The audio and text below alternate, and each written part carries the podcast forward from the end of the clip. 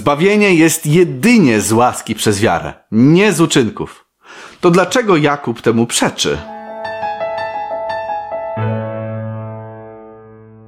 W liście Jakuba mamy takie wersety.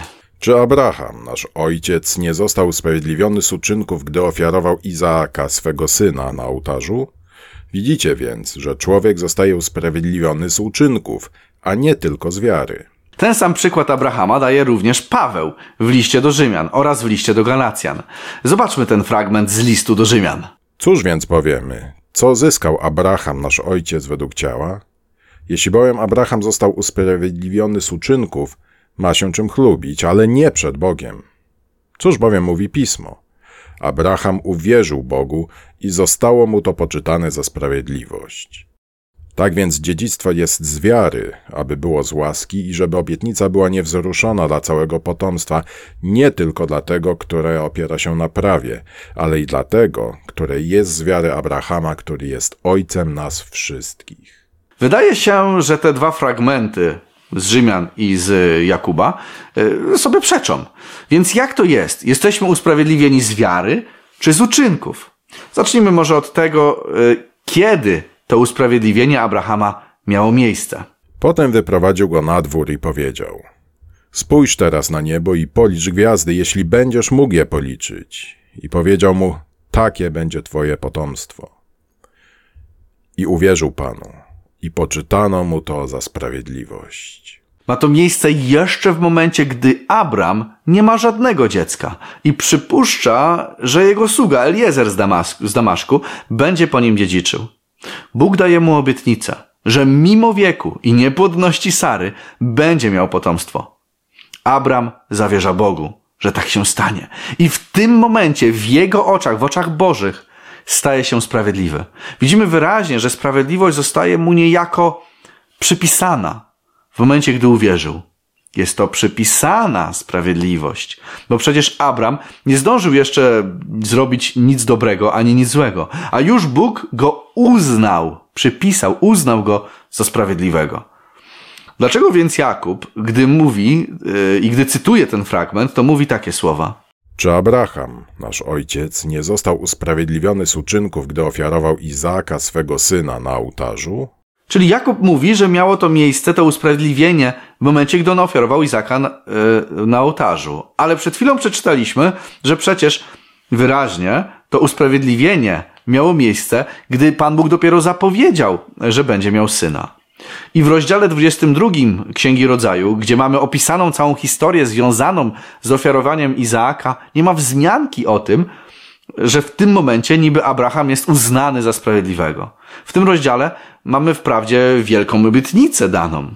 Przysiągłem na siebie samego, mówi Pan, ponieważ to uczyniłeś i nie odmówiłeś mi swego syna, twego jedynego, błogosławiąc, będę ci błogosławić, a rozmnażając, rozmnożę twoje potomstwo jak gwiazdy na niebie i jak piasek na brzegu morza, a twoje potomstwo odziedziczy bramy swoich nieprzyjaciół. I w Twoim potomstwie będą błogosławione wszystkie narody ziemi, dlatego że posłuchałeś mojego głosu. Co jest tutaj bardzo ciekawe, to słowo ponieważ, ponieważ to uczyniłeś, to rozmnożę cię wielki naród. Czyli zauważ, że mimo iż Bóg Abrahamowi obiecał w rozdziale 15, że uczyni z niego wielki naród, to dopiero po ofiarowaniu Izaaka Bóg mówi, ponieważ to uczyniłeś, to rozmnożę twoje potomstwo. Jednak trzeba wyraźnie powiedzieć, że nie ma tu mowy o usprawiedliwieniu, a jedynie o danej wcześniej obietnicy.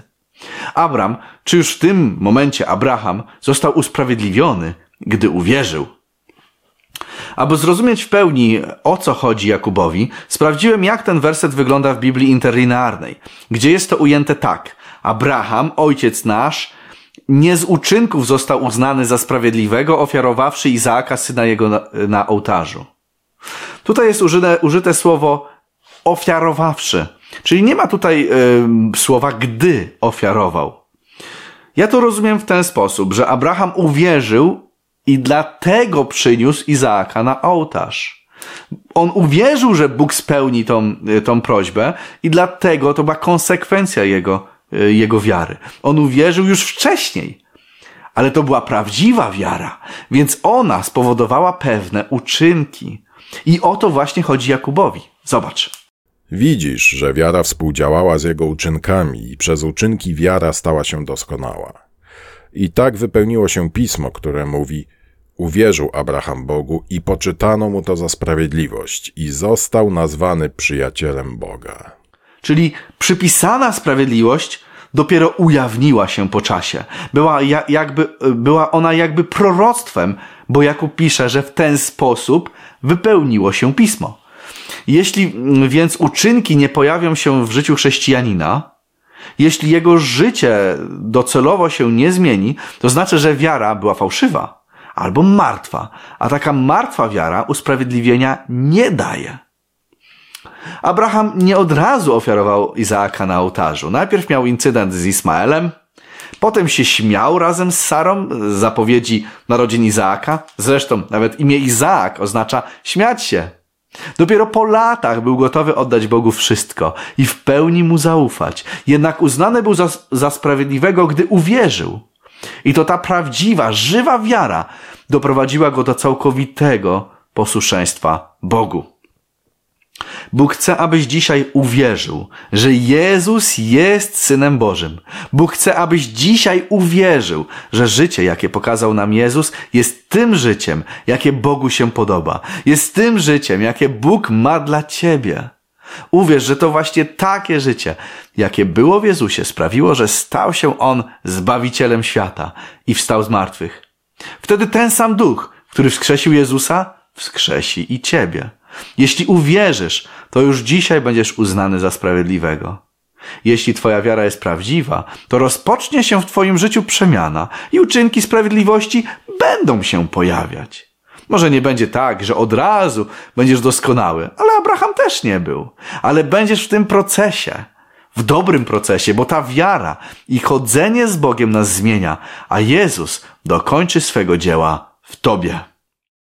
Lecz my wszyscy, którzy z odsłoniętą twarzą patrzymy na chwałę Pana, jakby w zwierciadle, zostajemy przemienieni w ten sam obraz, z chwały w chwałę za sprawą ducha Pana.